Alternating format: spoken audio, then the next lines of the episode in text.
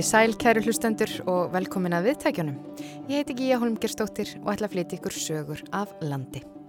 Þessi þáttur er fyrsti þátturinn í sumar þáttaröðinu okkar þar sem við munum týna saman efni frá liðnum vetri fyrir ykkur að njóta yfir sumarið. Og við byrjum á að rifja upp ferðalag sem farið var á haustdögum á norðausturlandið á sjálfa Melrakka sléttu þegar við maltum okkur mót við tvo starfsmenn vegagerðarinnar. Þá Guðmund Jón Björgvinsson og Ástþór Inga Ólafsson eða Gumma og Inga eins og þeir vilja láta kalla sig sem voru á ferð á svæðinu til að sinna árlegu almennu viðhaldi á vitum landsins. Ég slóst í för með þeim félögum til að kynast betur hvað fælst í starfi vitavarða okkar tíma og við byrjum ferðalagið snemma morguns á Rauvarhöfn og kerðum út í Raunhafnar tanga. Þar sem stendur tignarlegur viti sem nefnist einfaldlega Raunhafnar tanga viti. Það er 1,24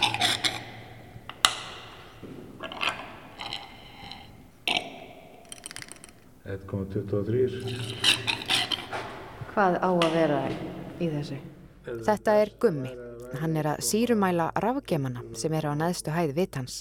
Ingi stendur til hlýðar og skrifar allt niður. Þetta er, þetta er á bara fínu svæði en það er bara þetta svolítið mikið af flugum í gemunum.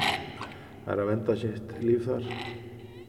Það er eitthvað, það er verið alltaf komast ekkert inn, sko, 1.25. Það er alveg sama hvað þú ert með. Ég, við erum báðið búin að vera rafvirkjar í ansið mörg ár flugur komast alltaf inn ekstra þar sem það er ekki að vera. Þetta er alveg með ólíkjendum það er ekki sé ljósið þeim að það er alltaf fluga inn í ljósinu 1.24 Gummi og Ingi eru báðir mentaðir rafvirkjar og það eru þeir sem sinna eftirliti með ljósa búnaði vitana á landinu Gummi hefur starfað við þetta í núna fjögur ár en Ingi byrjaði bara fyrir stuttu og því er þetta fyrsti túrin hans en árlega er farið í alla vita landsins og þessa ferðir snúast um almennt eftirlit og viðhald ástand því að gera við bílanir sem uppgötast á leiðinni. Þess vegna er mikið að vara hlutum og farangri með í för og betra að taka með of mikið en of lítið. Enda var yfirbyggði pallbílinn sem við kerðum áhingað smekk fullur af alls konar nöðsynjum.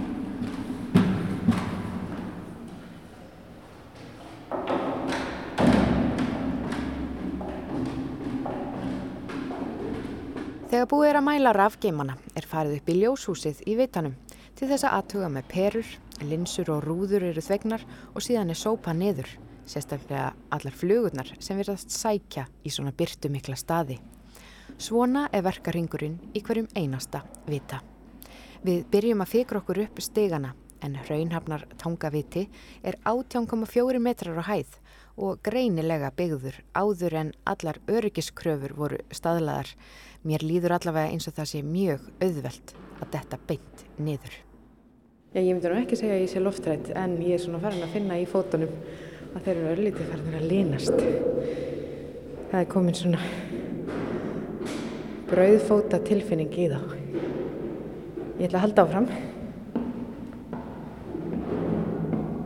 Já, já.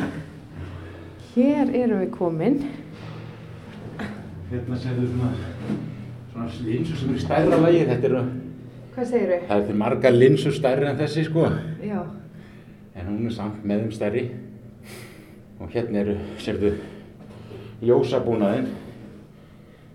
Þetta er bara magasín, perur er umverulega í svona magasín og einn fer, þá dettur yfir á næstu peru. Það rúlar, ég sýnir því að blinda hérna ljósnemann. Þú ætlar að blinda ljósnemann og hvað hva gerir þau með því?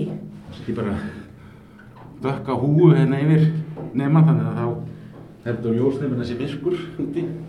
Já, þú ert svona plata ljósið. Þannig að svo býðum við að sjá hvort þetta fær ekki í gang.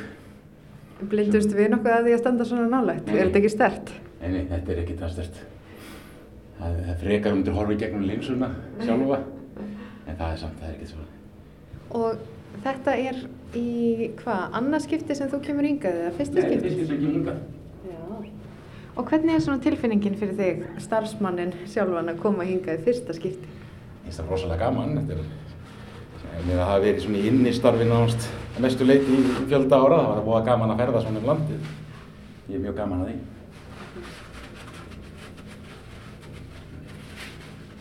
En hvernig er að vera komin hingað akkurat hérna á Hraunhafnar? Það mjög já. Af því Ég hef aldrei komið svona langt á Norðausturlandið fyrr. Þetta er ákaflega gaman og það var sérstaklega gæra, það var svo gott veður þegar kerðum yngad. Það er þetta mjög skemmtilegt. Og eins núna, þetta er gaman að horfa þetta kringu sig og, og sjá allt hérna. Mjög skemmtilegt. Við erum eiginlega við sko heimskottsbaug. Já. En það er smá kuldi hérna núna. Já, maður finnur það alveg. Já, Það er eins gott að maður klæti sig vel. Hraunhafnartangaviti er hvít málaður, steinsteftur, ferstrendur törn á lári undirstöðu með svörtum línum niður með hliðunum, svona eins og hann sé í íþróttabúning. Vitin var byggður árið 1945 en tekin í notkun árið 1951 og nú eru Gummi og Ingi búnir að yfirfara allan ljósabúnaðin í vitanum og rafgeimarnir eru í góðu standi. Þannig að þetta er í fínulegi. En þetta eru með, með þrjú geima sett þarna og eh, kannski myndi eitt eða tvö duga en, en það er öryggið að það þrjú sér öruglega nú. Það er svolítið notalegt að vita af þessu. Já, ég er öruglega, ef maður ætti og maður er eins og allir eiga eitthvað aðstandendur út á sjó, þá vil maður vita því að það sé öryggi í kringum þetta. Og þetta er bara partur einu, þáttur að partur af öryggi sjófaranda. Það er mikilvægt, ég tel þetta sérlega mikilvægt að þó menn vilja treysta mælabúnaði þá kemur ekkert í staðin fyrir að sjá eitthvað í landi. Það á reynu. Og svo bara held ég verðum að halda þessu við, þetta er svona mikil saga í kringum þetta og fólk hefur gaman eða sjá vita svona við annis er út á eigjar. Ég held að allir séu hrifnir því að hafa sjá vel við halda að vita.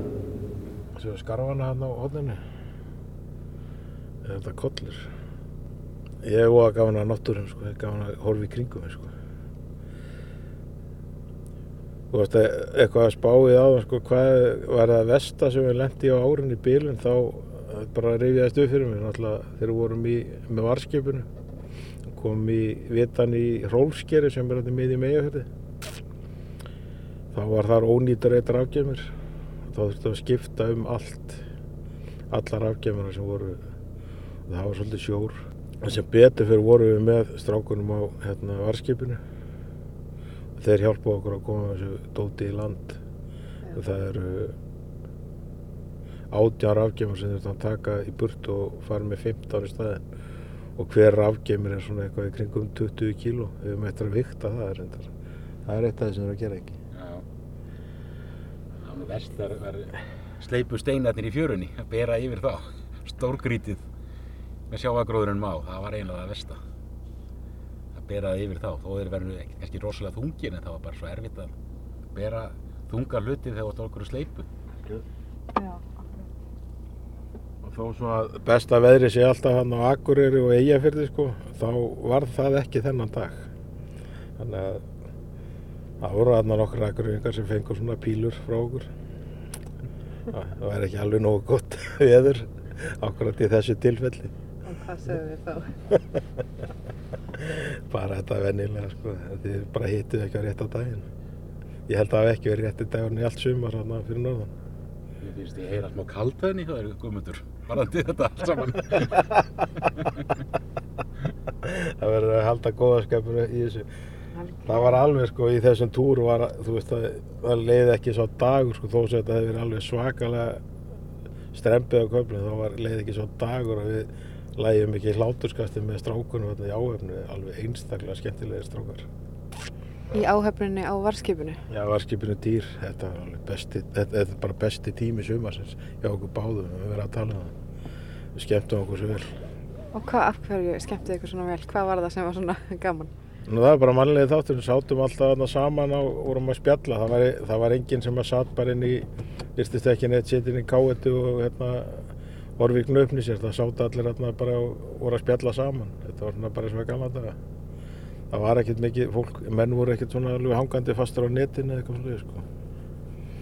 En svo er vill oft verða þegar maður hittir unga menn. Þetta voru bara ungi menn sem höfðu gaman hvora öðrum. Áöfnin er þarna samastendur náttúrulega gömlum jökslum og svo ungum strákum. Og þeir voru allir rosalega vel samstiltir, skemmtilegir. Til að útskýra þetta aðeins betur þá eru margir vitar við strendur landsins aðeins aðgengilegir frá sjó. Þess vegna er árlega farið í sjóferð í kringu landið til þess að vitja um þessa vita og að þessu sinni var farið með varskipinu Týr. En aðgengi að vitum frá landi er ofta á tíðum ekkert sérstakt heldur. Eins og að komast á bíl út að hraunhafnar tanga vita, þá þurftum við að keira eftir stór grítum fjöru kampi sem leit alls ekki út fyrir að vera vegur af nokkru tægi. Þegar við veltum stum þarna í stórgrítinu, sagði Guðmundum mér frá manni sem að hafðist við í skúr þarna rétt við vitan. Hann vissi engin deili á manninum en sagði að hann hafði útbúið alveg þvílikt fínan veg út í vitan með því að leggja neta dræsur í slóðina sem við vorum að keira þarna á fjöru kampinum. Mér þótti þetta mjög forvitnileg saga. Já, við skulum kíkja þarna inn í þennan kofa.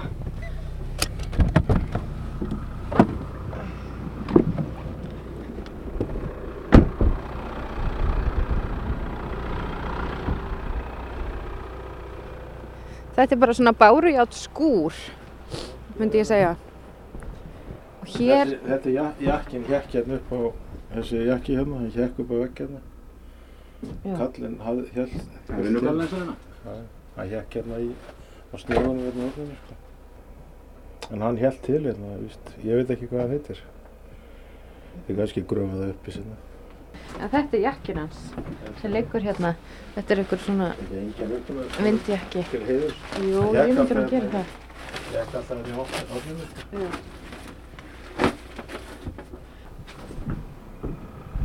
En sjálfsagt hefur hann bara verið að veiða hérna, ég hef svona grunum það. Já. Sér hvað þetta er flott höfni hérna. Hérna er örgulega alltaf eftir að lenda, hérna í hodninu. Snerist ekki allt um það, komast í land, lifandi. Já, þetta er svo sannarlega áhugaverð saga og ég gæti einhvern veginn ekki látið hann að vera. Ég varð að komast að því hver þessi maður var. Þannig að, þegar ég kom heim úr þessu ferðalagi mínu, byrjaði ég að ringja, ansi mörg símtöl, þanga til að ég rampaði loksins á mannesku sem gæti sagt mér hver þessi maður var. Við gerum því örlítið hlið að ferða okkur um melrakasléttu og færum okkur yfir til Akureyrar. Þar býður okkar Guðrún Sigurðardóttir sem ólst mitt upp á sléttunni og hún gæti upplýst okkur um að maðurinn hétt Jónas Finnbóason og var föðurbróðir hennar.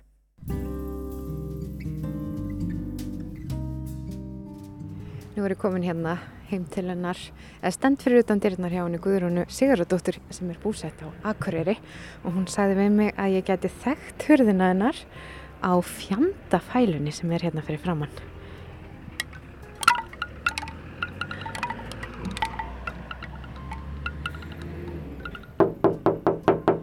Guðrún, góðan daginn. Já, blessu. Hún býður mér inn og við setjumst við stofuborðið, þar sem hún er með opna tölvuna sína. Hún vil sína mér minningagreinarnar sem skrifaðar voru um Jónas og hún síni mér upptalninguna og öllu því sem að hann tók sér fyrir hendur. Greinilega.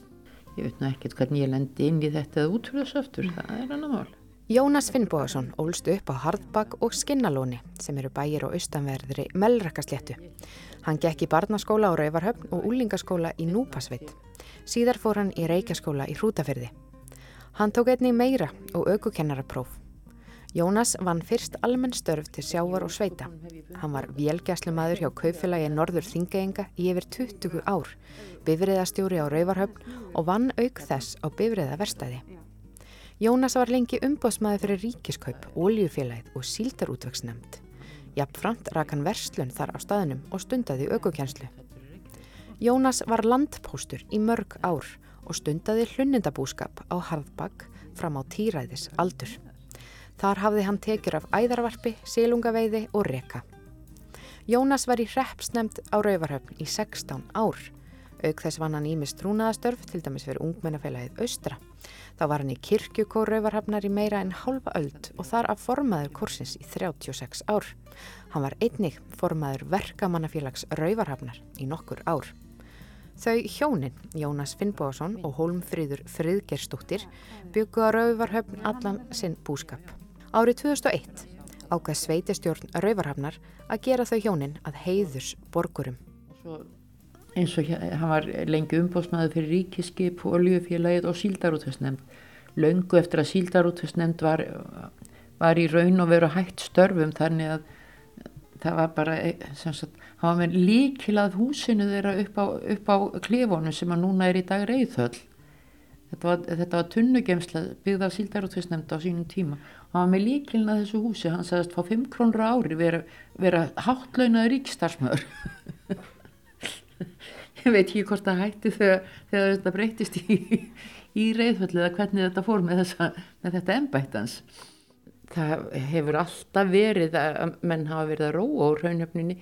Bændur á Hardbakk þeir notuðu raunöfnina og uh, reyndar var það nú svo, já, það hafi ekki verið í kringum. Það var á 19. öldinni sem var svo mikil eh, selagengt, það var svo mikil vöðuselur sem gekk upp að sléttunni að það voru já, bændur á sléttu urðu sem er ríkir af því að ve- veiða sel og, se og selja spík og, og, og skinn já, hún var líst upp helstu höfuborgir Evrópu á tímabili. Já. Vöðusels, vöðusels spíkið frá af sléttunni. Það, er sagt að og, og nú bara ljú ekki sléttungar neinu. Þeir íkjafa alla að hafi komið 90 selir á land á grjótnesi einn, einn dag. Það var bara róið í land og, og út aftur og þeir bændur í, á skinnalóni og, og harbak þeir áttu, þeir áttu land að hraunhöfninni og gerðu út samiðilega og þeir urðu bara þokkalega stöndugir bændur af því að, að veiða vöðusel þarna og svo var alltaf, það var alltaf veiði úr, úr hraunhöfninni. Maður svona upplifir melrakkarsléttuna svolítið sem matarkistu. Já, það er alveg rétt. Þarna, það má segja að bændur í, bændur í nærlegjandi sveitum döið öfunduð okkur af þessu hvað það þurfti lítið fyrir lífin að hafa því að þetta kemur nánast sjálfkrafa. Þeir, ég held að hafi verið eh, haft eftir núpsetungum að þetta væri nú lítið mál að vera bónda á sléttu. Þar lægjum en á vassbakkanum og, og sílungurinn synd upp í það og, og æðafjöglinn verft upp í það og svo stæður á fætur og tækjum með sér eitt stóran trjából og stingjónum inn í eldin og svo bara styttist hann eftir því sem þetta væri nú auðvöld líf. Já, Ég spyr hana út í skúrin sem að Jónas var með úti á tanganum. Já, ég svo sem eh, hef ekki hugmynd um hvað hann egnaðist þennan skúr en mér dettur í huga þetta sé gamall afgjörslu skúr frá Esso af því að hann var, hann var umbósmaður og olíufélagsins eh, í í býsna mörg ár og rak hérna svo kölluð Esso sjoppu með, með öllu því sem tilherir bensinstöðum. Mér finnst eitthvað útrúlegt að þetta hafi verið fyrrum bensínsölu skúr en það var skúrin svo lítill en Guðrún vissi alveg hvað hún var að tala um. Já, en sama er að þarna hefur einhvern tíðan verið sölulúa, það er gat, þarna, svona lúugat, þannig að einhvern tíðan hefur verið selt þarna eitthvað út um lúu, svo lýs að ég, ég sé miklu frekka fyrir mér að þetta hafi verið eitthvað skonar gömul sjoppa eða gamall afgriðslskúr með bensín eða einhver staða frá. Aldrei að vita hvað hann hefur fengið hann, en, og heldur ekki hvernig hann fór að því að flytja hann þarna út eftir, þetta er nú, þetta er nú nokkri kílómetrar á vegleysum, en en það var, var svo sem alltaf brotist áfram eftir mölinni á stórum þungum bílum, vörubílum og svo náttúrulega var, var þetta nánast eins og hraðbrut eftir að Jónas tók sér til og fór að teppalegja veginn þar að segja mölina, allt sem rak á landa á gömlum eh, nótum, dragnótum og öðru slíku að það dróð hann upp og lagði þarna yfir mölina og, og, og það var bara nánast, já eins og ég segi nánast hraðbraut að keira, hann var komið langlegin út að vita þegar þegar kom vestanbrí meitt góðan við þetta sem, sem gerir stó- stundum og reyfið þetta á tætti út og, og helmingurinn að mölinni hrund, hrundi inn og og ímislegt næturnar ripnuðu og fóru lengst upp á land og svo framvegis en þetta var heilmikil búbóta því að, að teppalega veginn. Já, eftir að hann fór formlega eftirlun þá var keirðan út í Harbak alla daga, allan á þessu sringhaldi því að hann, hann lagði, lagði net í raunöfnuna hann sílunganett og það kom svo sem fyrir ekkert alveg óþægt að það slætist lags og sem hann sá enga ástæði til að sleppa en það voru kannski dauðir þegar hann kom daginn eftir til að vitju netið. Og nú hann eh, lagði líka net í, í heimavatnið í já, Harbagsvatnið og, og Raunafnavatnið eru nánast, þau eru samtengd að hluta.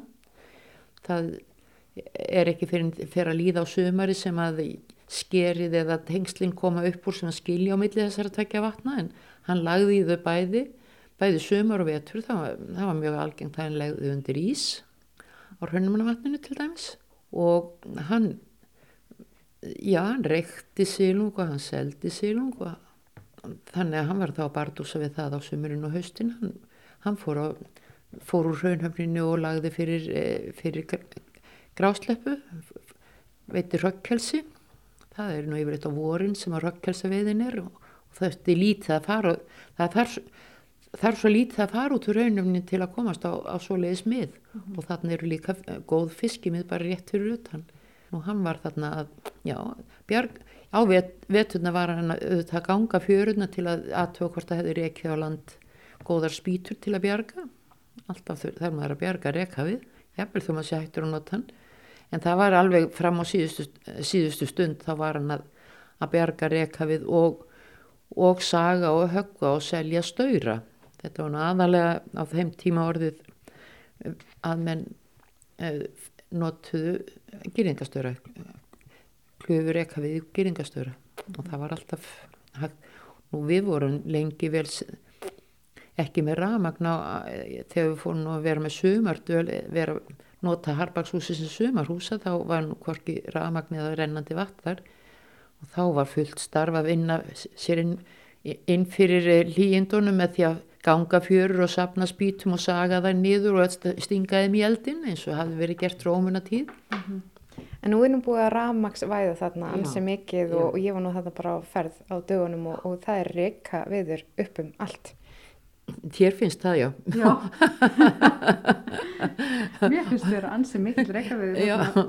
já. já, sem er ekki búið að hérna týna. Og, já, við, við segjum að þarna hafa vallar ekki spýtu árum saman. Þannig að þá getur kannski gert þér í hugalund hvernig þetta var þegar mest var um. Mm -hmm. og eftir, eftir ís, á ísárunum í kringu 1970 sitt hverjum við 1970 þá náttúrulega barst alveg gífurlega mikið á land.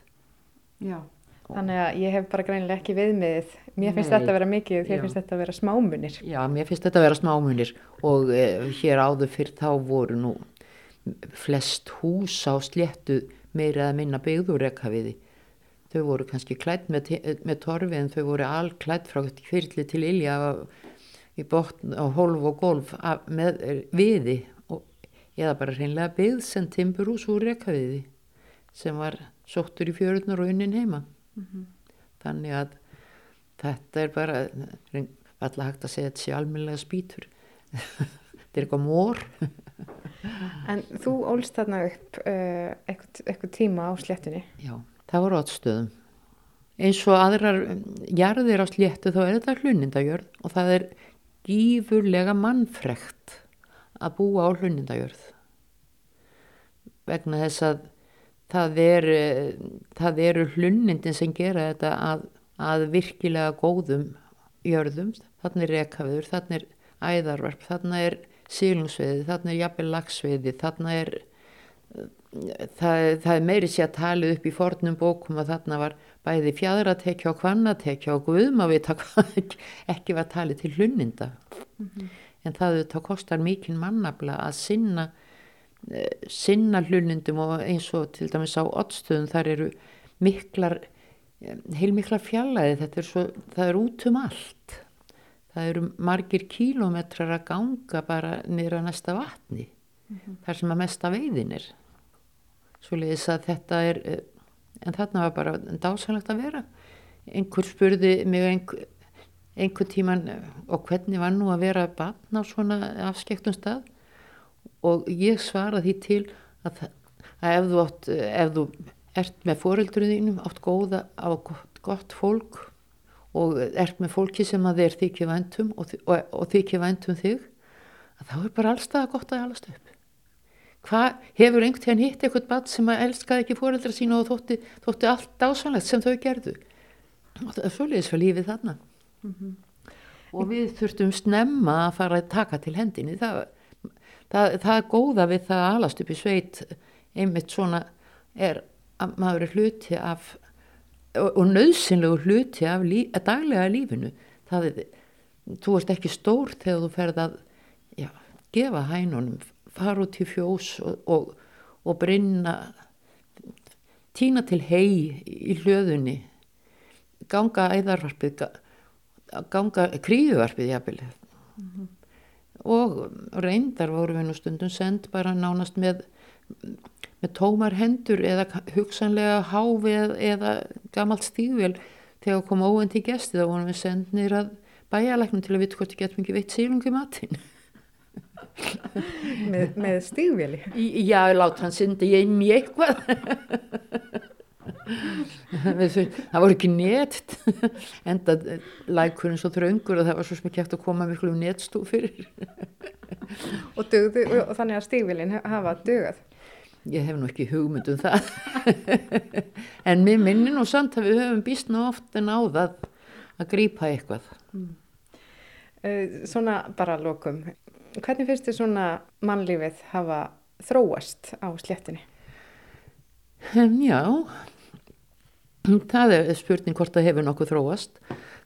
Nú eru flestar jarðir á sléttukonar í eyði. Það er að segja að það er ekki búsetta, ekki heilsásbúsetta, en það er yðara mannlífi á sumrin vegna þess að við erum ótrúlega já, hvað við segja bundin átt, uh, heimaböndum og ættarböndum að það eru það eru all, já, fjórða fjórði ætliðu frá pappu og mömmu til dæmis þau þekkja allar nokkur betri stað á jörð heldur en sléttuna að koma í sveitina þangað það er, það er dýrið já. mannlífið er þarna á sumrin já. það er breytingin Þannig að sléttan lifnar við á þeim tíma. Já, mm. og væri kannski, já, það, það er kannski ástæði til að beina þanga meiri ferðamennsku bara til þess að fleiri fá að njóta og kynast að þarna er ótrúlega indistlegu í staðir og mikil náttúrufegurð. Mm -hmm. Þarna er, er fugglalíf alveg í sérflokki og svo er það miðnætursólin og, og uh, kyrðin og friðurinn og allt þetta sem að maður getur sótt eftir við ósnortna náttúru en á móti kemur ég ekkert þessum okkur langi til þess að vera með hverja eitthvað ferðar við viljum bara fá að vera hver fyrir sig Er það kannski einkenni sléttunga?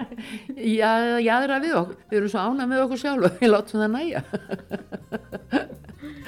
Ég ætla að þakka þið fyrir þetta spjall og insinn inn í já, líf slettunga. Guðrún Sigurðardóttir, takk fyrir. Og lífið hans Jónasar, það var alveg ótrúlega hvað maðurinn kom í verk og hvað hann gætt bardúsað og þessar framkvæmdir hans þarna við, te við að teppalegja veginn, við að bjarga spítum, við að fara, eh, hlaða upp sker í, fyrir, rétt fyrir neðan bæin á Hardbakk Var, ég held að hann og sískinas hafi byrjað á þessu, frændsískinin öll þarna á sínum tíma, en hann held þessu áfram fram á síðasta dag að hlaða upp skerið og það stendur en þá upp úr vatninu er aðeins verða grænka í kollin og það er búið að merkja það, Jónasar sker. Já, það er notalegt að vera komin til bots í hver átti þennan skúr sem stendur þarna við raunhafnar tanga vita, auk þess sem að Guðrún veitt okkur insýnin í lífið á sléttunni. En ég verða viðkjana að ég er enna að melda hvernig hægt er að veiða fisk með stígvjali. En hvað veit ég og sléttungar íkjavíst aldrei. En við höldum áfram ferðinni, förum tilbaka strandkampin sem eitt sinn var teppalagður svo vel að fónum Jónasi til að komast aftur upp á aðalvegin. Nú, nú erum við komin að fjöru kampinum og upp á uh, veginn og þetta er vegunum sem liggur hérna fyrir meðlarkastleituna. Þetta er hluti á norðurstrandaleið. Já, sem var verið að búa til núna eitthvað sett, einhver ferðamannaleið mjög sniðut að reyna að fá fólk á svæðu með þessu sko. Sléttu vegur heitir þetta. Stendur það. Já, sléttu vegur. Hér beigjum við. Við beigjum niður að Núpsköllu en á þeim bæ bjóði mitt skáldið Jón Trausti frá því að hann var 10 ára og þanga til hann var 15 ára. Oft hefur hann sagt hvað núpurinn og stórfenglegt bremið á þessum slóðum hafi haft mikil áhrif á hann. En þú sem núna okkur þetta heitir rauðnúkur. Já, þetta er þess að núpurinn hérna framundan er, það er raukt berg hérna í honum. Svo sérðu þarna kollin þarna fyrir framann. Keirum þarna náttúrulega svo þarna verpa heldur súlur hona og, og voruð sko. Mikið fugglalíf þarna. Þetta er tilkomið mikið landslag hérna. Fyrst var reistur viti á Rauðanúpi árið 1929.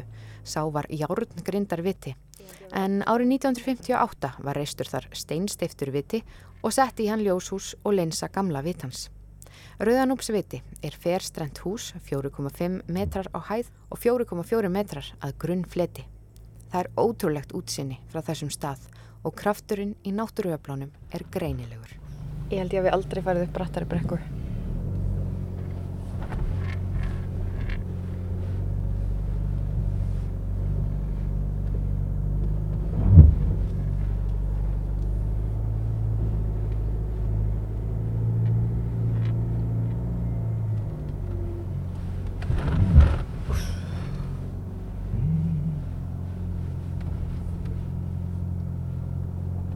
Jæja, þetta var nú ekkert mál. Gáðan að fara niður á eftir. Þannig að ég held að þetta, sé, þetta starf sé ekkert fyrir eitthvað sem að leiðist eitthvað svona skjögt eins og þetta. Er, það er þetta fljótlega að hætta bara. Það er ekki malbygg að það er allir vegir sem við förum sko. Já, hvaða eiginleika þurfa menn í ykkar starfi að hafa? Ég held þeir verði bara að hafa gaman að fara svona eins og þetta, þvælast og vera tilbúinir að fara bara hvert sem er, hvenna sem er.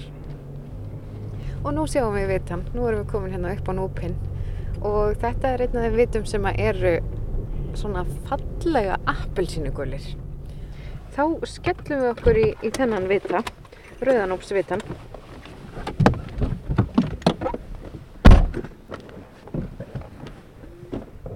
Þú sér hérna hvar gamli vitin hefur staðið á sínum tíma, fyrsti vitin sem hefur reistur hérna, hér er bara leifarnar af honum. Þetta sérðu mánáreigarnar. Svo er þetta bara tjörnesi hérna. Þú ert komin sagt, ef þetta er hérna melrakasléttan, þá vorum við hérna áðan á Raunarfnatanga. Við erum komin hingað núna. Já, við vorum austast á sléttunni og nú erum við komin svona vestan megin á Já. við hana. Já, svo förum við bara hérna inn fyrir og eftir og þá erum við komin á Kópaskir og aftur yfir á Rauvarafn.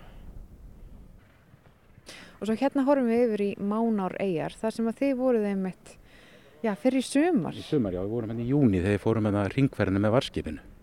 Það fórum við reynda bara í háeina, þetta kallast hái og láei. Við fórum bara í háeina og þetta er einlega magnað að horfa hérðan yfir á það átt að þeim. Því að mér fannst það að vera rosalega langt út á hafi þegar ég kom í, í þar í sumar. En svo þegar ég fór hérna á Tjörnes í, núna í gær, það fannst mér örstuðt frá landi. þetta er mjög skrítið hvernig maður upplifir þetta landið öðruvísi frá hafi og er, er, erum við allt önnur upplifun. Og það var hörku púl hérna þegar þið voruð að koma tækjum og tólum, uh, já, Ég þangað. Já, ég, það var núna fórum bara í að og bara gúmibáturinn sem fór með okkur í land, hann bara sildi að og við stökkum frá borðið með stiga til að komast upp fyrsta bergið Já. og, og þeir svona voru fyrir utan með og vorum að koma okkur upp og svo þurftum við að draga okkur upp á bandi þarna einhverja ykkur að 20 metra.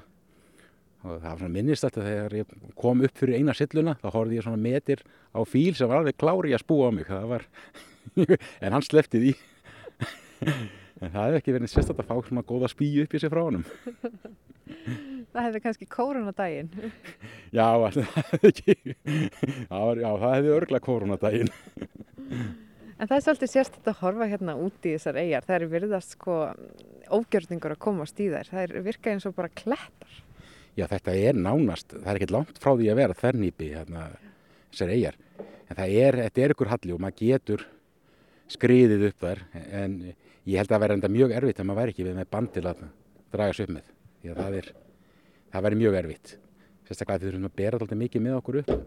Við vorum örgulega með hátt í millir 15 og 20 kíló á bakinu sem við þurfum að taka með okkur upp.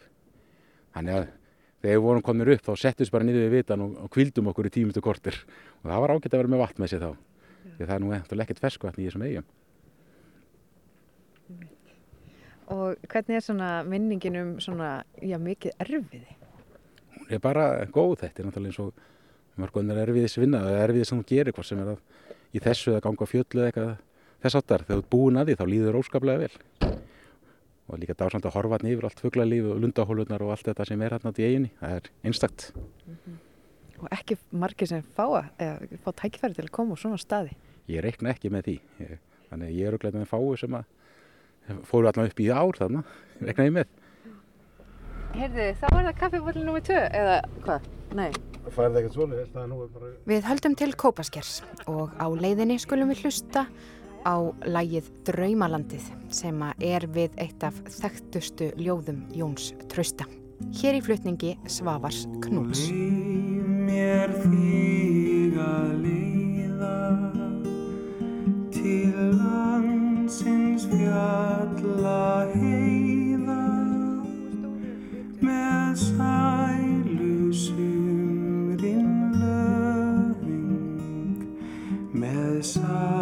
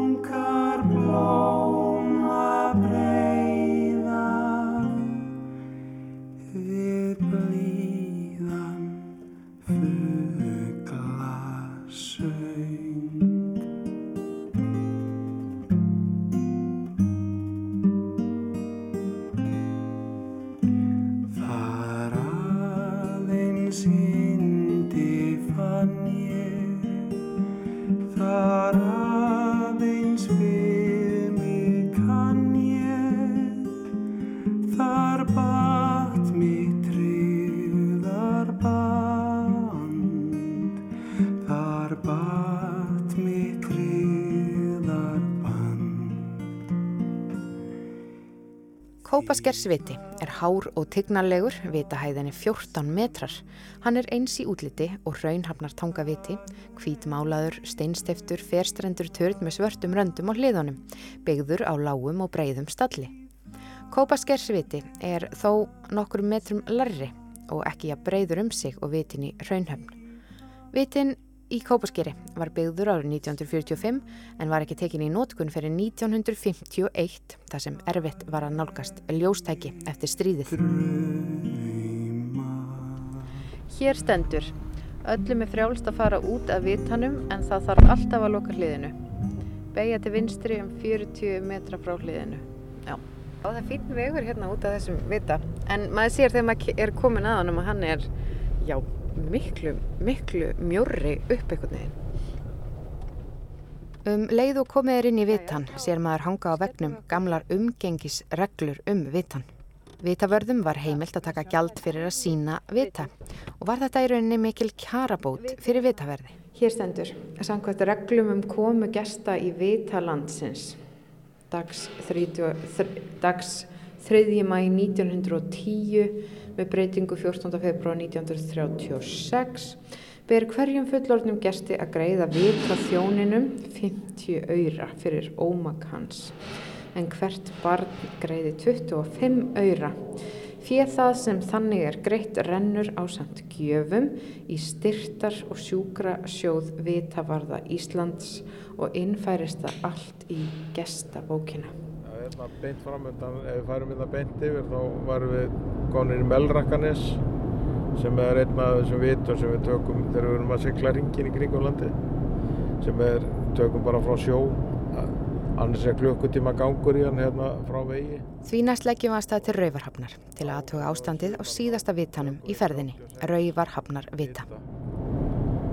í þessari sjóferð sem við förum það eru 36 vitar á 15 dögum Og þá sigliði hringin í kringum landið.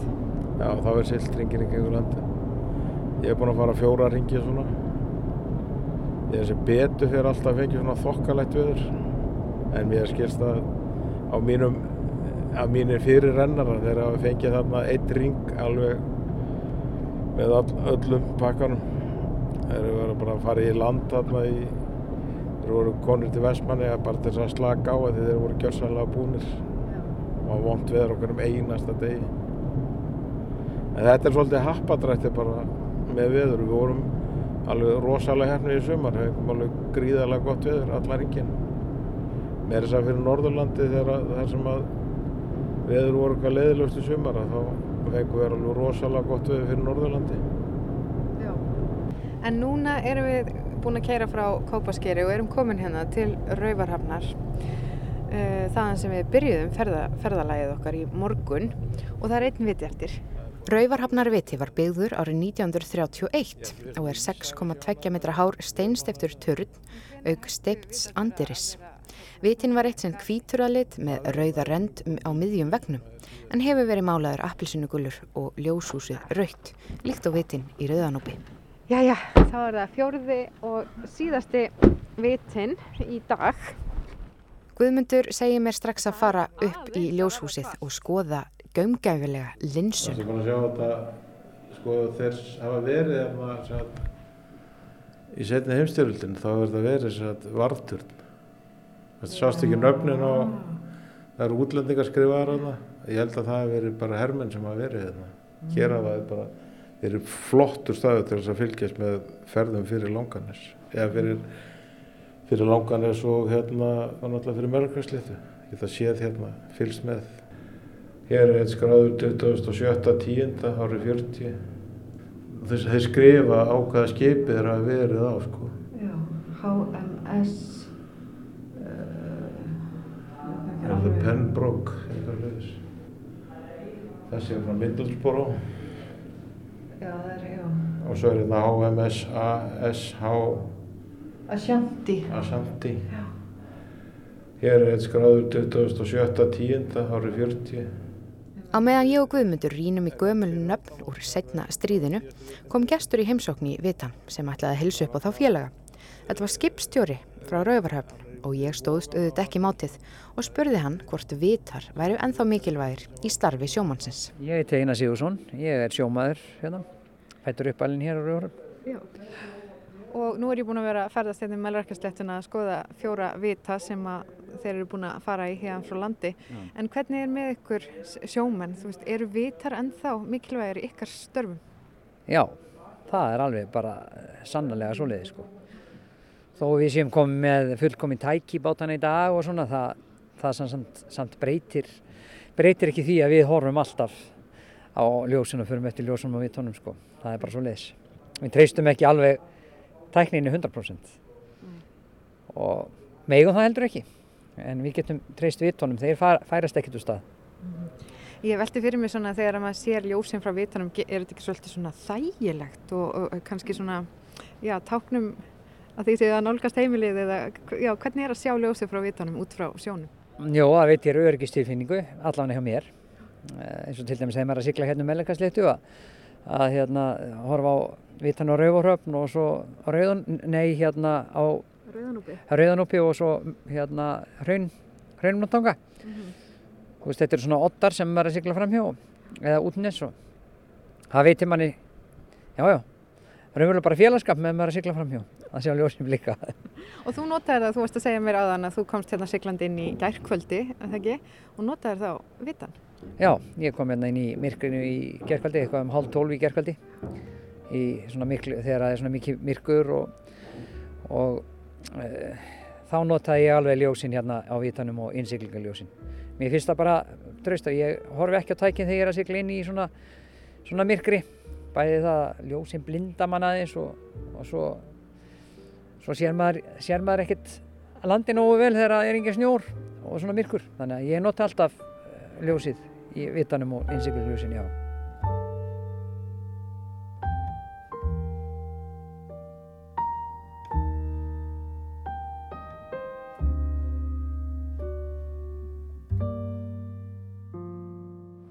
En hvernig er svo planið næstu daga hjá ykkur? Á morgun ætlum við að fara út á Langanes og taka Langanes og hérna Digranes. Digranes er hérna við Bakkafjörð. Þetta er svolítið mikill akstur á morgun sko. Svo er bara stefnan að koma sér heim á föstudaginn. Maður fyrir ekkert að keira heim á morgun þegar við verðum búin að þessu undir myrkur á morgun sko. Þess að við erum að fara að gera. Þá er alveg skott bara að dóla sér heim á föstudaginn. En síðan komið þið aftur til þess að hérna, aðtöga með vita á norðvesturlandi. Já, þá ætlum við að kíkja þarna á alla þess að vita, Svalbardsheyri, Hjalteyri, Hrísey, Brík, Hegranes, Strömnes. Og þegar að þeim ringi lokið, þá eru þið búin að aðtöga alla vita. Nei, nei, nei, þá hefum við alla söðustrandir eftir. Já, já. Við hefum eftir að taka alla vita frá hérna, Stokksnesi og að Reykjanesi. Já. En það er allt í lagi, það er, það er alltaf gott við fyrir sunnan, þú veist það.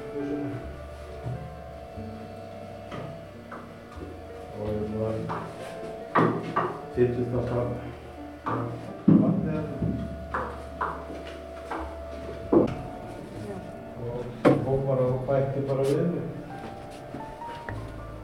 Og svo hópar inn í mestarmann framan það í. Kom með þetta svona. Það var mjög er þess að peru með þér? Já, ég ætlaði að hýrða þessu. Það voru tvær heilar eða nýjar. Og þá skellum við í lás á þessum síðasta vita.